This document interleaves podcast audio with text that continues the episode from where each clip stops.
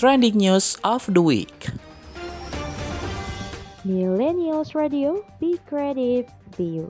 Trending news of the week bersama saya Deborah Anggita dari Sungai Liat. Berita ketiga diambil dari 2,5 ton solar subsidi ditimbun di Bangka Barat dikumpulkan dari SPBU. Sebanyak 2,5 ton bahan bakar minyak atau BBM subsidi hasil penimbunan diamankan polisi di Simpang Tempilang Kecamatan Kelapa, Bangka Barat, Kepulauan Bangka Belitung. Tersangka penimbunan berinisial MR alias Ridwan, 30 tahun warga daerah setempat, kini ditahan untuk mempertanggungjawabkan perbuatannya. Kasus penyalahgunaan BBM subsidi jenis solar adalah modus pembelian berulang menggunakan kendaraan bermotor.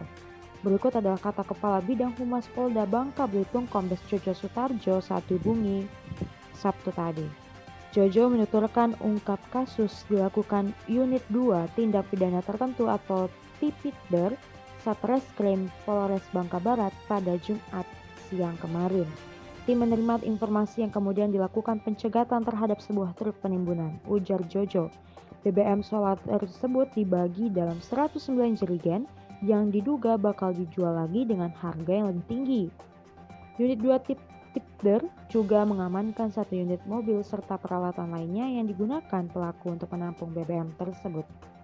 Kini, polisi masih mendalami soal kemungkinan BBM bakal dijual pada penambang atau nelayan.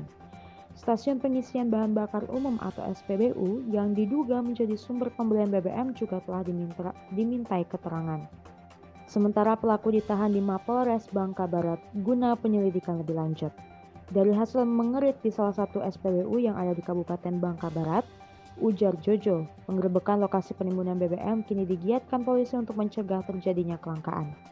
Apalagi saat ini sedang masuk musim hujan dan gelombang tinggi yang berpotensi membuat distribusi BBM tersendat. Sejauh ini modus para pelaku yakni membeli berulang atau pengerita menggunakan sepeda motor yang dimodifikasi.